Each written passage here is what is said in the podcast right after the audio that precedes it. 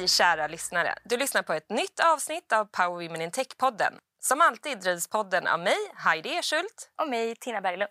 Vi har chansen att få träffa inspirerande kvinnor i techbranschen för att få reda på deras drivkrafter och vad som format dem på vägen. Dagens gäst är ett kärt återseende för oss och kanske även för er lyssnare. Varmt välkommen tillbaka Asra Osmancevic. Asra är juristen, investeraren och styrelsemedlemmen som grundade plattformen Justic och nätverket Femtorship. Närmast kommer hon från rollen som Vice President Operations Nordic på Viaplay Group och gjorde en imponerande karriär på företaget. Astra är ett välkänt namn i branschen och uppmärksammas för att hon vill göra skillnad. I år utsågs hon till Framtidens kvinnliga ledare 2023. Asra har en förtrollande personlighet och förmågan att engagera och beröra med sin närvaro. Vi är så glada att få ha dig här, Asra. Tusen tack! Vilken eh, intro! eh, det känns... Eh, ja, hur, hur tar man vid?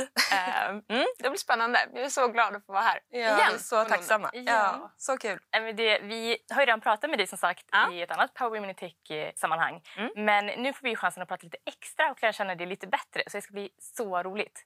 Men för att mjukstarta lite innan vi liksom dyker ner i alla andra frågor. Eh, hur är dagskänslan? Peppig. Jag är ju här eh, strax innan jag ska ge mig ut till Arlanda. Eh, jag ska hosta Tech Barbecue i Danmark eh, de kommande dagarna. Så att jag är super eh, excited och eh, lite nervös. Men eh, ja, jättebra. Bra energi. Det är liksom bra energi i rummet här känner vi. Du har ju faktiskt alltid varit engagerad i, förutom då tech, i frågor som rör rättvisa, feminism och integration. Mm. Och har bland annat varit volontär i olika sammanhang. Var kommer ditt engagemang ifrån skulle du säga? Eh, men jag skulle nog säga att det startade med min mamma som är en jättestor förebild för mig. Eh, hon pratade väldigt tidigt med mig om att man kan bygga och utveckla sig själv genom att bygga andra och stötta andra. Eh, och det har hon själv gjort jättemycket i sitt eget community med sina liksom, väninnor. Engagerat sig i olika liksom, syjuntor eller migrationsfrågor och liknande. Så att jag har haft henne som förebild i, i de delarna.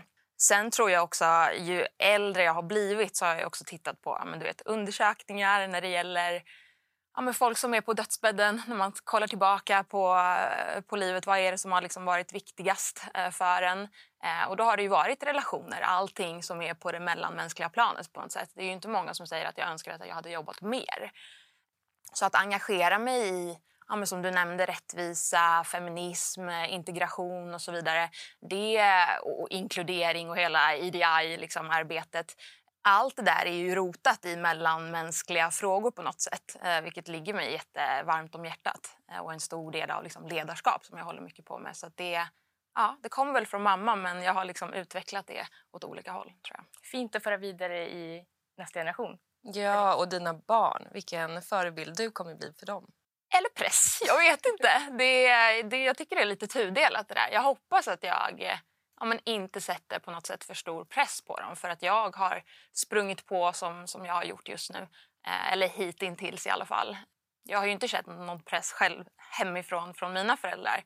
Eh, så att jag är lite ja, men, vaksam kring just den grejen. Att, att känna att så här, nej, det får inte bli att jag pressar dem. Eh, och då, att de ska tro att ja, men de måste leva sitt liv så som jag har levt mitt eller att det är det som är det rätta sättet. Utan de kanske kan plocka små bitar och, och sen utvecklas åt sina håll. Och om man eh, tittar tillbaka till när du var barn. Hur skulle du säga, har din bakgrund varit en bidragande faktor?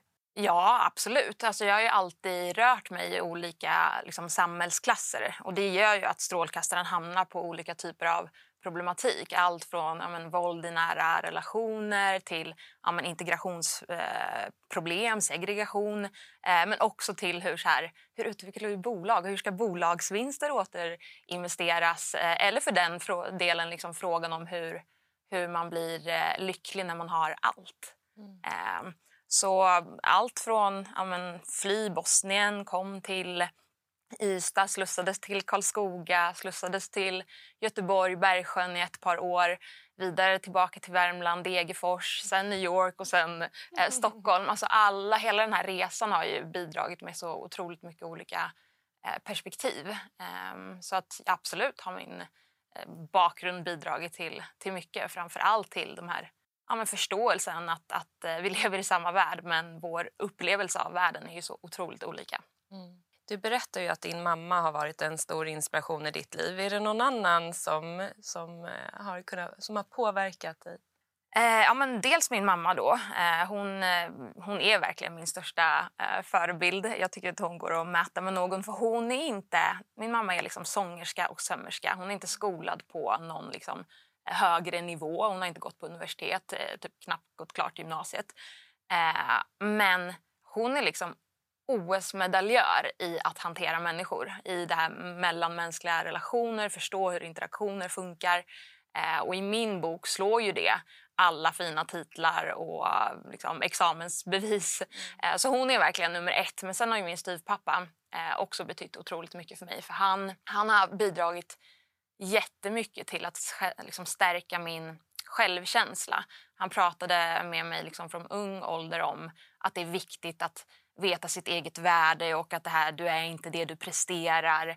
Eh, och även om de retar dig, det bästa du kan göra är att le tillbaka och säga ja, exakt så är det. Alltså, du vet, han har stärkt mig på så många sätt som jag tror som kanske inte min mamma har gjort. Hon har liksom inte varit inne på det här med självkänslan så mycket men mycket med det här med hur man interagerar med andra medan han har varit väldigt mycket in i, i dig själv och känna det här egenvärdet.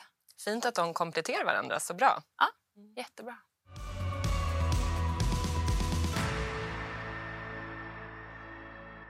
Du är ju eh, jurist. Mm. Och eh, Vad hittar du dina drivkrafter att läsa till just jurist? Alltså, man skulle kunna tro att det finns någon sån här härlig historia här om att, man, att jag läste juridik för att jag vurmar för rättvisa, vilket jag i och för sig gör.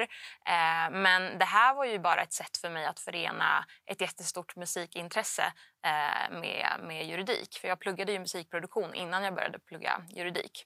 Och i slutet på den utbildningen så hade vi ja, men en veckas upphovsrätt. Och här någonstans så liksom klirrade det till hos mig att så här, oh, juridik det var jättekul för att det stimulerar hjärnan. Det är liksom, ja, men intellektuellt stimulerande medan musiken är kreativt stimulerande. Och här såg jag en möjlighet att, att förena dem. Ehm, så juridiken är ju till mångt och mycket slump för mig.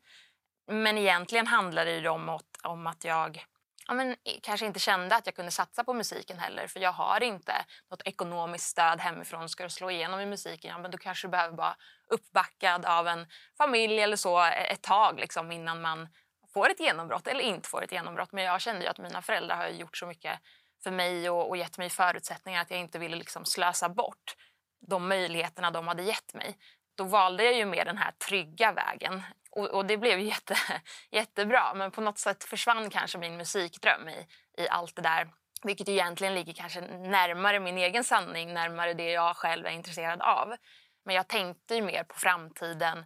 Eh, och nu har jag ju faktiskt möjlighet, vi var inne på mina döttrar, men att när de växer upp, skulle de vilja eh, utforska något kreativt yrke, ja men då kan jag backa upp dem på ett sätt som inte jag fick. Eller mina föräldrar hade inte möjlighet till det i alla fall. Så det, det känns ändå bra. Men ja. en liten sorg också. Ja, dina ögon glittrar ju när du pratar om musiken. Mm. Var Finns den kvar i ditt liv idag? Ja, men det gör den. Jag nämnde ju mamma är sångerska så den kom ju med, med modersmjölken på något sätt. eh, men den finns absolut kvar och i den mån jag liksom hinner så spelar jag gärna gitarr och, och piano och skriver låtar och sådär när vi är på landet. Eh, så ja, en liten del.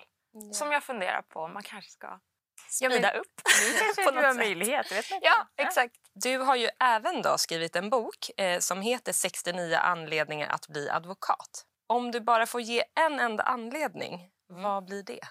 Och jag ska säga det att jag är medförfattare till den här boken. Eh, så att jag är inte den enda som har skrivit den utan jag har skrivit den med min kollega och bästis eh, Evelina Antila. Hon är idag managing partner på Well Street. Mm. Eh, och ett perfekt exempel på hur man kan liksom ta juridiken och göra någonting helt annat. Mm. Men om jag skulle sammanfatta den här boken då som vi har skrivit så skulle det nog vara att anledningen är för att juridiken öppnar så många dörrar. Alltså, du kan göra jättemycket med en juristexamen. Och jag tror att både jag och Evelina är ett jättebra exempel på det. Att vi har egentligen utbildat oss till advokater, jurister, jobbat som det ett tag men sen gör vi någonting helt annat. Mm. Och så har ni ändå det hela tiden i grunden. Ja. Och du är ju faktiskt även grundare till plattformen Justic. Har du alltid haft en dragning till kombinationen tech och innovation? Här ska jag också då säga att jag är medgrundare tillsammans med Evelina. Vi är ju lite sparringpartners i, i allting. Eh, och vi har också två eh, kvinnliga delägare i form av en CTO och en faktiskt nytillträdd VD som vi kommer att Ah, vad kul. snart. Mm. Men eh, frågan då, det här dragning till tech och eh, innovation. Och min biologiska pappa han arbetade inom flygvapnet eh, i sina liksom unga dagar. Och han har alltid varit intresserad av mekanik och fysik och innovation. Han pratade ofta med mig om ja, men vad teknik kan göra för människan och vad liksom, teknik har gjort för honom. Eh, så den nyfikenheten, den har liksom alltid, eller den dragningen, den har alltid funnits där och det är mycket tack vare eh, honom. Vill du berätta lite mer om Justic? Vad är det för någonting? Ja, men Justic är ett eh, legal tech-bolag som eh, fokuserar på att eh, tillverka digitala självserviceverktyg så att gemene man ska kunna liksom lösa lite grann av vardagsjuridiken på egen hand. Vi har ju sett att det finns ju liksom höga trösklar för att få juridisk hjälp. Det är dels otroligt dyrt, det är tidskrävande och det är komplicerat. Och då har vi egentligen kollat på lite lågt hängande frukt. Vad kan vi ta här och digitalisera det?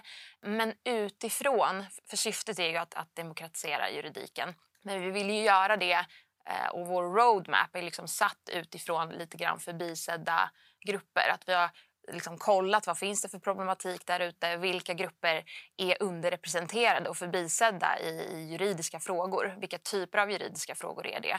Och så har vi då noterat, ja men okej, till exempel då den här tjänsten Juridikdolan som vi har. Eh, det är ju kvinnor som får förlossningsskador. Eh, och där har vi då byggt ett, eh, ja, men en tjänst där du på bara några minuter och några klick kan sätta ihop en skadeanmälan som du kan skicka iväg om du har fått en förlossningsskada. Och den är gratis.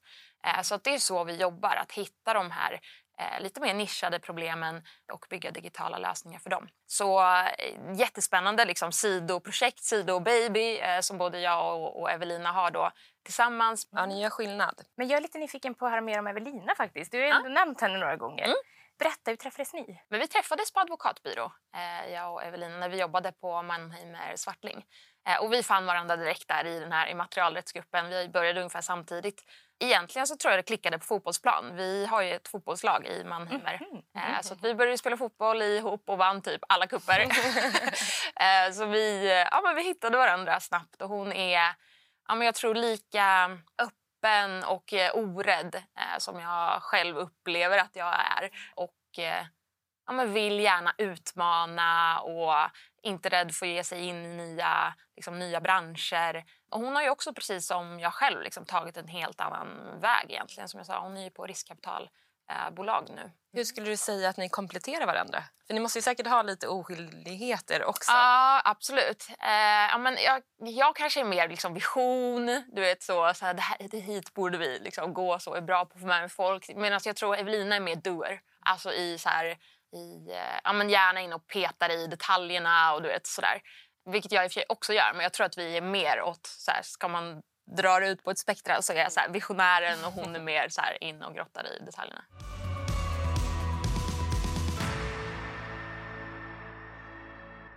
Din karriär, Asra, inleddes ju på ett skivbolag i New York. En av mina favoritstäder. Eh, även bott där tidigare. Och Det måste vi såklart prata lite extra om, för det är ju en fantastisk stad. Vad lockade dig dit? Ja, men jag ville ju till New York i, i slutet av juristutbildningen. Dels för att det är, är ett musikmecka, eh, men också för att jag tänkte att jag kunde på något sätt eh, möta mig eh, själv där eh, på ett sätt som kanske inte var möjligt här i Sverige eller i, i Stockholm just då. Och jag upplever i alla fall för egen del att New York inte är som andra delar av USA. Tar man liksom västkusten till exempel så är ju det mycket mer American dream. Och det är liksom, men jag upplever New York som att du har tagit Europas storstäder och liksom kokat ihop dem i en. Så det kändes otroligt bekant men ändå helt nytt för mig.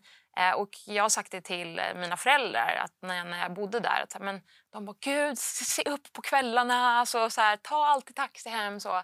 Men jag har aldrig känt mig tryggare än när jag har bott i, i New York. Här fick jag ju experimentera, så här, trycktesta mina egna värderingar och åsikter. Och eh, jag fick komma en bit på vägen i resan att liksom möta mig själv under tiden i New York. Så den var ju jätteviktig för mig. Hur många år blev du där? Ja, men det blev så här period, i olika perioder. Jag var ju där och skrev eh, min eh, uppsats. Eh, någon sån här komparativ studie mellan amerikansk och svensk rätt bara för att få komma till New York. inte för att jag hade intresse för den här komparativa studien. Eh, men då var jag där ett halvår och sen var det så här, okej okay, hur ska jag hitta ett sätt att vara kvar här? Eh, och då hittade jag det här svenska amerikanska skivbolaget. Och hur skulle du säga, du nämnde ju lite kort att du ändå kanske hittade dig lite själv där. Vad formade dig eh, som person efter din, din vistelse där? Ja, men jag tror dels att jag var där på egen hand. Eh, jag var väldigt ung första gången jag var i New York och då var jag där direkt efter gymnasiet, åkte dit och var där de här 90 dagarna eller vad det är man får vara innan man måste resa hem. Och sen åkte jag tillbaka det här för, för att plugga. Men jag tror att jag stärktes jättemycket i att ja, men klara av att, att uh, ta hand om mig själv och, och, resa på egen hand och ja, men tjäna pengar för första gången i princip. Alltså ordentligt pengar som gjorde att jag kunde betala hyran, inte liksom sommarjobb. Mm. Men också just det här att möta så många olika människor från så olika samhällsklasser och, och bakgrunder. Att förstå hur ändå enkel förhållandevis min egen resa har varit jämfört med, med många andra. Eh, och också så här, sliding doors eh, moments där min mamma själv när vi flydde från kriget fick välja. Skulle hon ta eh, bussen som gick till Stockholm eller skulle hon sätta sig på bussen som skulle ut till flygplatsen som skulle till USA? Alltså bara de tankarna, att hur hade det sett ut eh, om hon hade tagit USA istället för Sverige? Vart hade jag varit då? vad är det man säger, du vet den här låten bara If you can make it there you can make it anywhere. Och den grejen, det är ju, Sverige är ju så litet. Mm. Här känns det som att det är, det är enklare mm. eh, att ly lyckas, vad nu det är. Eh, men att här, här finns det ändå möjligheter för alla på, på ett annat sätt. Det finns en, en säkerhet. Eh, som jag verkligen uppskattar. När man har varit ute så och sett det andra, då uppskattar man ju Sverige ännu mer. Ja, men så kände verkligen jag när jag bodde där i New York. För Jag tyckte ändå så att jag hade ja, men bra kon kontakter i Stockholm och kände så här, ja, men man har hittat sin plats. så. Mm. Och sen kommer man till New York och du är nobody. Oh. Eh, vilket är ganska härligt oh. också, men också jätteläskigt. Mm. Eh, men ja, det är ju en fantastisk stad. Ja, det är Jag tycker det är något speciellt med liksom, den amerikanska mentaliteten. För att jag bodde i Santa Barbara som mm. typ alla andra svenskar eh, ett år efter gymnasiet. Och det jag tar med mig därifrån det var liksom det här quotet att så här, find a way to make it happen. Mm. Och det är så himla amerikanskt på något mm. vis. Men jag bär ändå med mig den att så här, men det finns ju alltid någon väg. Jag kommer ihåg också på tal om såna quotes eh, när jag gjorde min liksom, första arbetsdag där. Då var det så eh, någon ja, men, så snubbe som var någon ledare där som kom in och bara Hi Azra, welcome! Here we go big or we go home. Så här. Man bara ja. okay. No pressure. no pressure. Men du vet, det är ju också ett sätt att så här, ja, men, vara orädd och du vet, det är liksom det är okej, okay, du får göra fel, bara du lär dig av felet. Eh, och, ja, men jag fick med mig liksom mycket sådana saker därifrån som, som jag ändå har burit med mig in i, i mina arbeten när jag kommer he liksom hem till Sverige sen.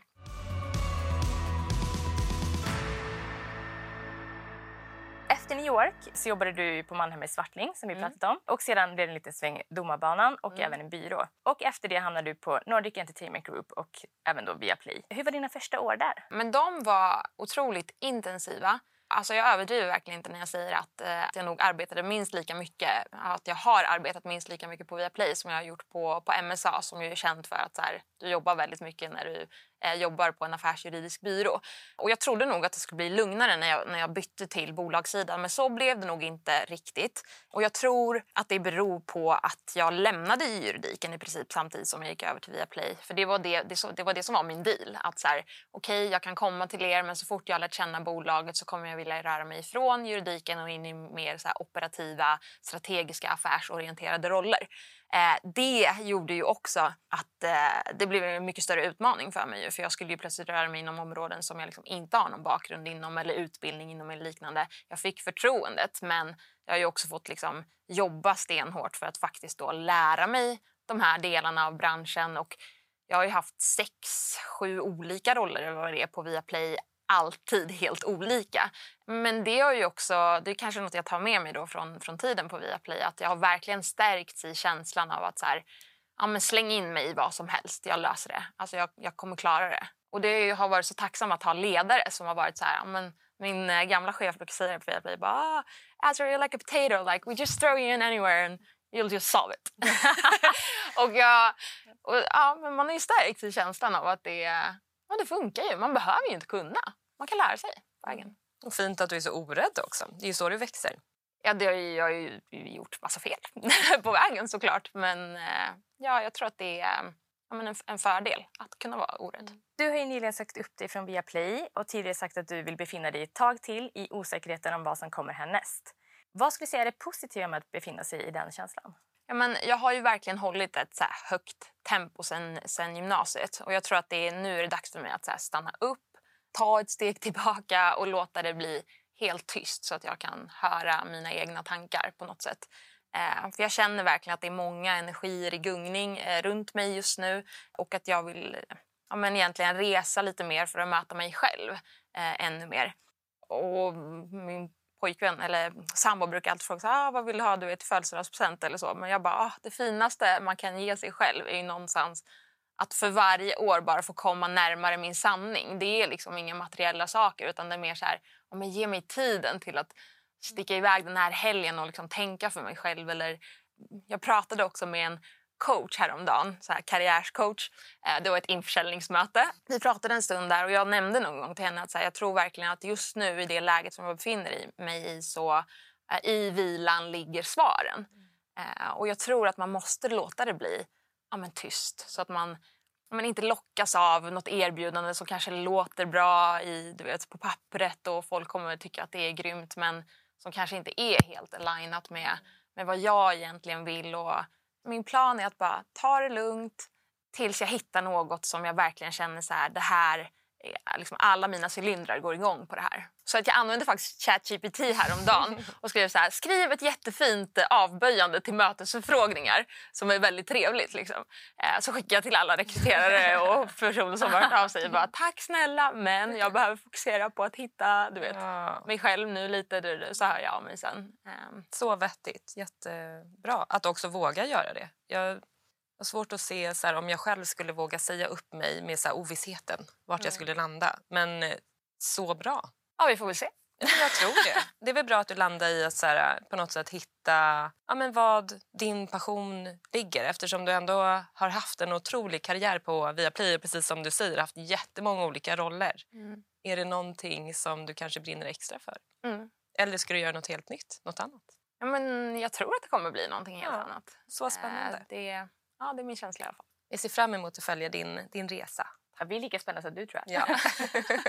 du har ju nämnt mm. i någon artikel där ett, att du liksom fortsatt kommer fokusera på ledarskap, innovation som gör avtryck och investeringar ur ett globalt perspektiv. Går det att berätta mer i nuläget, även om du befinner dig där du är? Ja, men alltså egentligen inte. Eftersom att det, är, det är ju det här jag sitter och klurar på. Eller det är det här jag ska sitta och klura på eh, framöver. Eh, det där slängde jag ju bara ur mig på rak arm när jag fick en fråga av en journalist. Så, och jag tror att om jag visste exakt vad jag ville göra nu, då hade jag ju redan varit mm. på väg dit. Men jag tror att att få den här möjligheten att kalibrera om och få ta den här tiden kommer vara jätteviktigt. Jag vill ju alltså fortfarande jobba med ledarskap. Och det här är ju utmaningen nu. Då, att så här, jag har så många saker som jag skulle vilja göra. Hur förenar jag dem på bästa sätt? Så här, med ledarskap, affärsutveckling. Det får gärna ha någon typ av investeringar i bilden.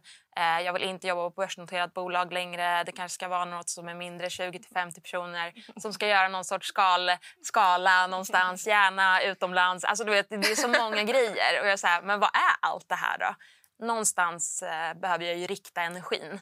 Men jag vet inte riktigt vart det är än. Det är ändå skönt att det är vissa parametrar. Det är ju lite ett recept och sen får du bara se ja. liksom vad kakan blir av det. Precis.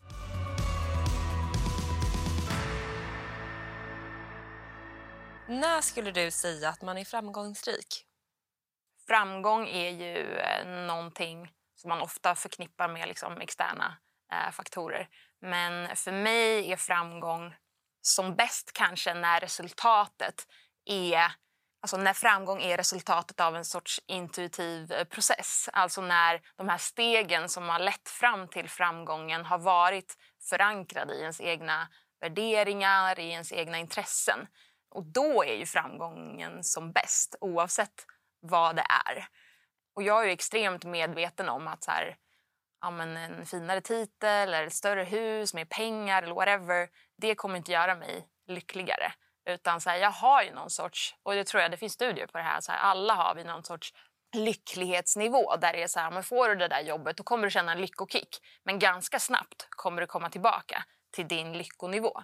Eh, och jag tror att har man den insikten med sig då är det ju lättare att kalibrera i allt det här och också förstå liksom, vad riktig framgång är. Att det på något sätt är den inre eh, resan. Mm. Du har ju minst sagt ett eh, imponerande karriär. Har det varit svårt utmanande någon gång? Absolut, det har varit jätte, jättetufft och utmanande i perioder. Och jag skulle nog säga, alltså mina största, om vi ska prata om kriser, liksom, eh, så tror jag att de största ändå har varit på det privata planet mer än, mer än det professionella. Jag bara tänker tillbaka, du nämnde ju domstolsbanan. Eh, i den vevan så blev jag på det liksom privata planet utsatt för otrohet för första gången i livet. Vilket ju väldigt många tycker är extremt jobbigt. Mm. I det här fallet var det på löpsedlar också. Mm. Vilket gjorde att det liksom kändes tusen gånger värre. Så jag var verkligen mådde skit och hade ett jättetungt jobb att utföra på, på domstolen. Så det var ju verkligen en sån här svintuff period. Alltså jag, kan, om jag kan tänka tillbaka och bara shit, hur fan, hur fan orkade jag? För det gjorde jag verkligen inte. Och hur kunde det där bli ändå okej okay jobb? Och jag tror att man reagerar. Jag lärde mig så mycket hur, hur jag reagerar på sån emotionell och liksom arbetsrelaterad stress att jag fick extremt dålig hud. Så jag fick käka receptbelagd medicin i ett och ett halvt år för att det skulle bli liksom bättre, för att det skulle lugna ner sig. Men det var så min kropp reagerade. Mm. Så jag fick lära mig jättemycket under, eh, under de åren när man liksom skulle hantera det där och när man tittar tillbaka så känner jag bara, men gud, nu får man inte svära här, men fan vad mycket motståndskraft det byggde.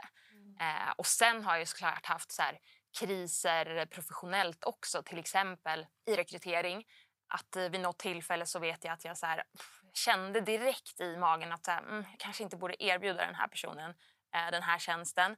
Men jag var ändå ivrigt påhejad av andra chefer som tyckte att det här lät bra och jag var så här okej, okay, okej. Okay. Och sen eh, blev det såklart svindåligt mm. eh, och jättejobbigt att hantera mm. eh, i den situationen. Så, att, så här, där lärde jag mig också att gud, lyssna, lyssna på mig själv. För den här intuitionen, den, den, eh, den, säger ju dig någonting eh, och oftast har den ju rätt. Hur skulle du säga att man gör för att lyssna på sin inre kompass? Ja, men jag tror att det första man behöver göra det är att öva upp sin medvetenhet. Att faktiskt öva på att höra den. Eh, för jag tror att vi alla går igenom våra dagar och kan känna så här, mm, du vet, där kom det någon så här underliggande ton i, i eh, något samtal. Eller, och att så här, våga call that out eh, om man känner att någonting ligger där och pyr eh, i, i samtalet med någon annan. Eller bara som, ja, som till exempel den där rekryteringsprocessen. Att så här, jag kände ju direkt och jag borde ju ha agerat på det. Och jag tror att man kan göra små övningar med sig själv varje dag. Att så här, ah, där, där var det någonting. Och det känns ju oftast i hjärtat. Det känns ofta fysiskt på något sätt. Eh, så att jag brukar säga, för det är ju en av sakerna vi eh, arbetar mycket med i det här Femtorship mentorskapsprogrammet som vi har. Att så här, utveckla sin intuition. Och det första man kan göra som en övning det är ju att under en dag gå runt och så här, försöka se till, inte gå runt och leta efter sin intuition, men mer så här, känner du någonting? Aha, okej, det kändes i magen. Det där var nog någonting intuitivt. Ibland behöver du lyssna på det, ibland inte. Jag tror det är värdefullt. Ja, verkligen.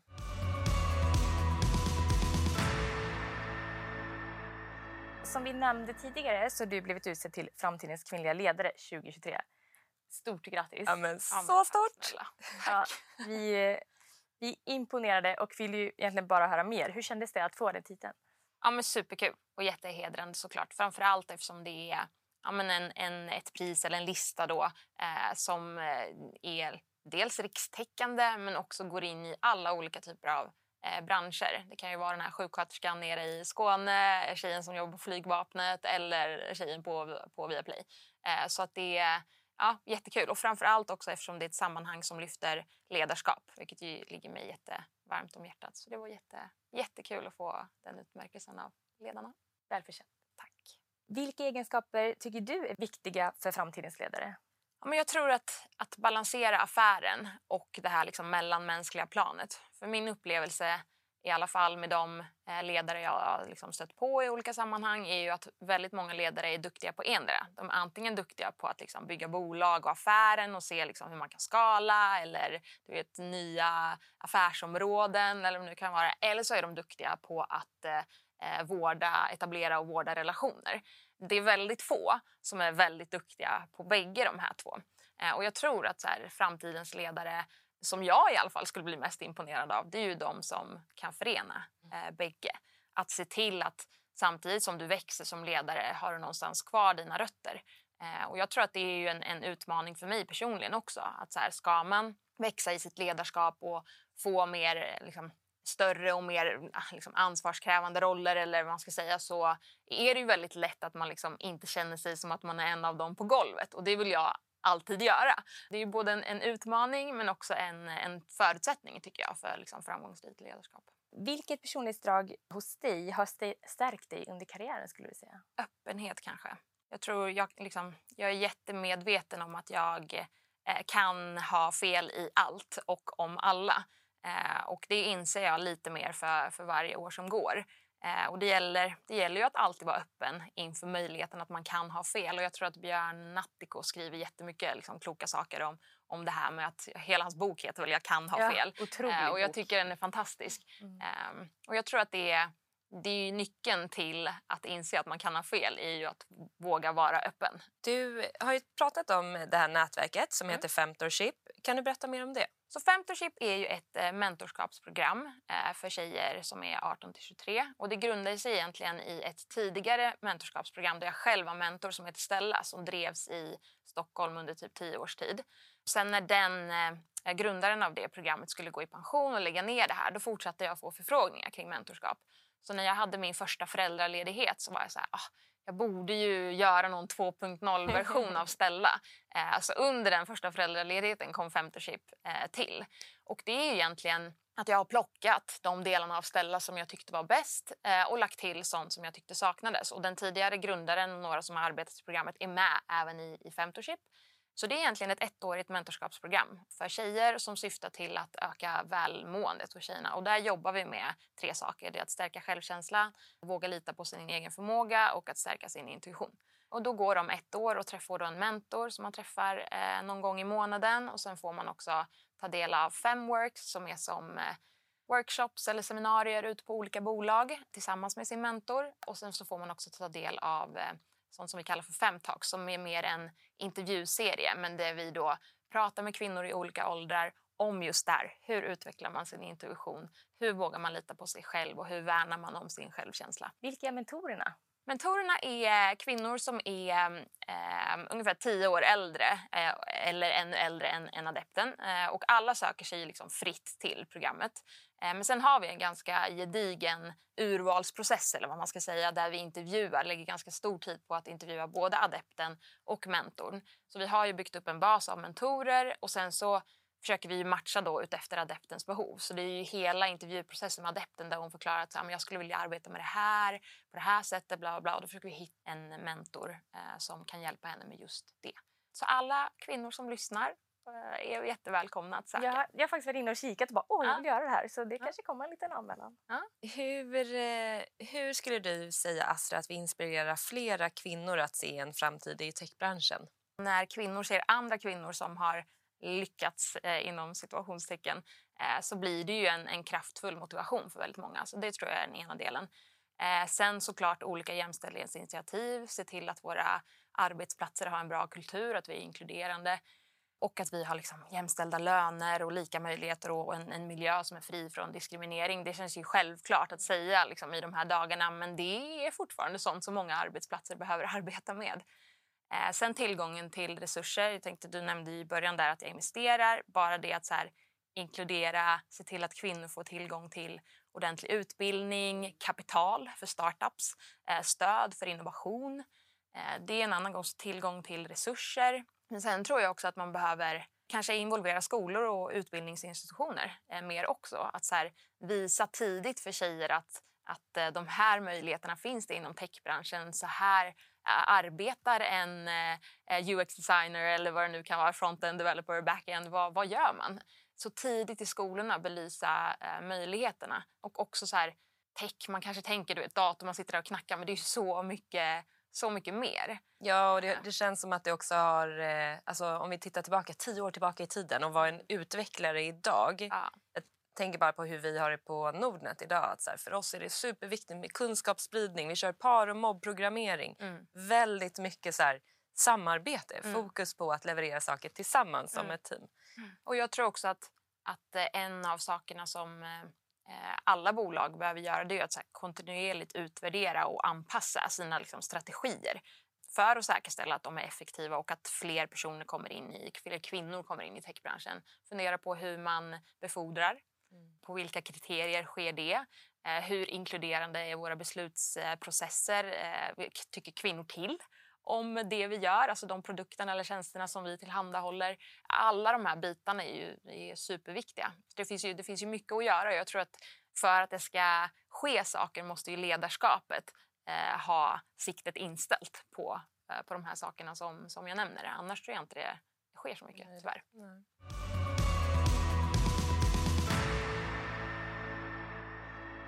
Vad tror du att vi kan vänta oss för utveckling i techbranschen på liksom bred front mm. eh, om vi ser in i framtiden? Men jag tror det finns jättemånga spännande utvecklingstrender och, och förändringar som vi kan kanske förvänta oss på, på bred front. Dels har vi såklart AI.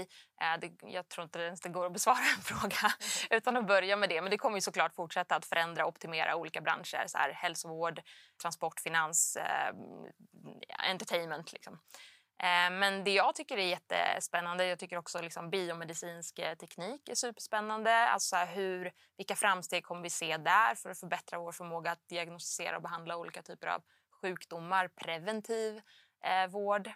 Sen tror jag men autonom teknik, att så här, ju fler autonoma system och robotar kommer ju kunna spela en större roll inom olika typer av branscher, logistik, eh, jordbruk, tillverkning. Och sen så då på andra sidan av allt det här är ju liksom säkerheten och dataskyddet. Här kommer ju juridiken och, och juristen i mig in. att så här, Visst, allt det här sker men vi måste ju ha den liksom personliga integriteten i, i åtanke när all den här utvecklingen sker. Och Det måste ju ske på ett etiskt sätt men det också måste ske på ett hållbart sätt. Och Det är jättestora utmaningar för, för branscherna att så här, pinna på så snabbt eh, som det faktiskt gör just nu. Eh, men att se till att, att eh, det görs på ett säkert och hållbart eh, sätt. Det är en spännande framtid. Verkligen. Nu har vi kommit till delen som vi kallar för fyra snabba. Mm. Vilken är den första appen du öppnar på morgonen? Det är ingen app. Det är en hemsida eh, som jag har en flik, snabb, snabbflik till. Eh, och det är Nasas sån här picture of the day. Oh. Jag vet inte om har varit inne där. Men de har sån här astronomy picture of the day. Eh, den kollar jag på varje morgon. Det är det första jag gör. Jag tycker den är helt fantastisk. För den är ja, men den, den, sätter saker och ting i, i perspektiv. Man fattar ju hur små vi är mm. när man tittar på de där bilderna. Hur mycket skärmtid skulle du säga att du har? Ja, men jag tror att jag har nog ganska mycket skärmtid. I princip allt, allt arbete som jag utför är ju på en skärm. Eh, så att det är, jag är säkert fyra, fem timmar om dagen eller någonting. Men min sociala medieanvändning om vi snackar skärmtid, där har jag varit bra. Alltså de senaste två åren så har jag använt någon sån här restriktion eh, och jag började med så här 30 minuter och så har jag liksom cuttat down, så nu har jag fem minuter. Oj! Mm. Ja, det var det imponerande. Fem minuter på sociala medier. Fem minuter på Instagram, fem minuter på LinkedIn. Ja, det är ju fantastiskt. Jag har inte Facebook eller något annat. Jag förstår att du hänger liksom fem minuter på LinkedIn om det är många som nu kontaktar dig. Ja. Många rekryteringsbolag. Ja. Så du måste ändå mitt filtrera. Mitt svar Exakt, skicka din fina meddelande. Exakt. Vilken app kan du inte vara utan? Alltså mejlen är väl självklar. Men så här, den aside så vill jag inte leva utan eh, någon musikapp alltså som ger mig tillgång till musik. Och den sista då, en app som du vill tipsa om? Oh, men då, då är jag fortfarande inne på musikspåret. För jag, alltså, ni kan få se min telefon, jag har inte många appar. Eh, det är så här, bare minimum och sen så är det mest så här musikgrejer, typ Shazam. Mm. oh, jag älskar ja, Shazam! älskar Shazam. Oj, oj, du vet, man sitter på ett café, man hör något och bara, ah, vad, gud vad är det här? Så bara, ding! Så får man direkt ja, veta, så bara, yes den här. Alltså jag måste tillägga, den funkar också genom tak. För jag var på skidresa i våras Eh, och så var det väldigt högljudda grannar. Och så låg jag där i sängen klockan tre och bara oh my god kan de vara tysta? Så var det en jättebra låt. Så jag bara nej men den här vill jag ändå ta med mig i framtiden liksom. Så liksom satte jag på Shazam och den tog den. Den tog, ja fantastiskt. Ja, det är bra, bra grejer. Ja, Shazam, det är bra faktiskt. Mm. Mm. Där har vi det. Och Astra, nu har vi faktiskt börjat komma till slutet vilket känns jättetråkigt. Eh, men innan vi avslutar så ska du få nämna en powerkvinna i techbranschen som du inspireras av och vill hylla. Alltså det här är så kill your darlings moment, fruktansvärt. Den här frågan borde ni stryka för den är hemsk. En powerkvinna, det finns ju hur många som helst här i Sverige. Men eh, jag vill gärna lyfta två mm. eh, unga stjärnor. Alice Heinman och eh, Vilma Emanuelsson. Jag tycker de är fantastiska. Eh, så de vill jag jättegärna hylla många, många gånger om. Vad gör de? Eh, Vilma hon har ett eget bolag, alltså jag tror hon är 18 eller 19 år gammal eller någonting, har ett eget techbolag som inriktar sig på dyslexi. De utvecklar någon teknik för att hjälpa personer med dyslexi att kunna liksom, läsa bättre och snabbare och allt det där. Och Alice, hon har precis genomfört lumpen men hon är så här super eh, eh, tech-bakgrund och hon, jag tror hon arbetar med eh, ja, men så här, rådge myndigheter och liknande i, i techfrågor. Eh, och jag tror att hon utbildar sig också på, på KTH just nu men hon är så super eh, intelligent.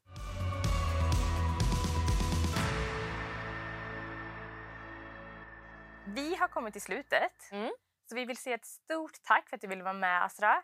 Eh, Du är en väldigt inspirerande ledare och en fantastisk person som vi båda är rakt av förtrollade av. Ja, men tack snälla. Jag är så glad att jag fick förfrågan och det har varit så kul att bolla allt möjligt här med er. Det gick så snabbt. Ja, supersnabbt. Alldeles för snabbt tyvärr. Ja, verkligen. Och tack till dig som har lyssnat på veckans avsnitt av Power Women in Tech-podden. Tips är såklart och som alltid att prenumerera på podden så att ni inte missar nya avsnitt och bli medlem i vårt nätverk Power Women in Tech på LinkedIn. Den här podden är producerad av fintechbolaget Nordnet. Vi heter Tina Berglund. Och Heidi Ersult. Ta hand om dig och kom ihåg att fortsätta drömma, våga och realisera. Vi hörs snart igen. Hej då! Hej hej!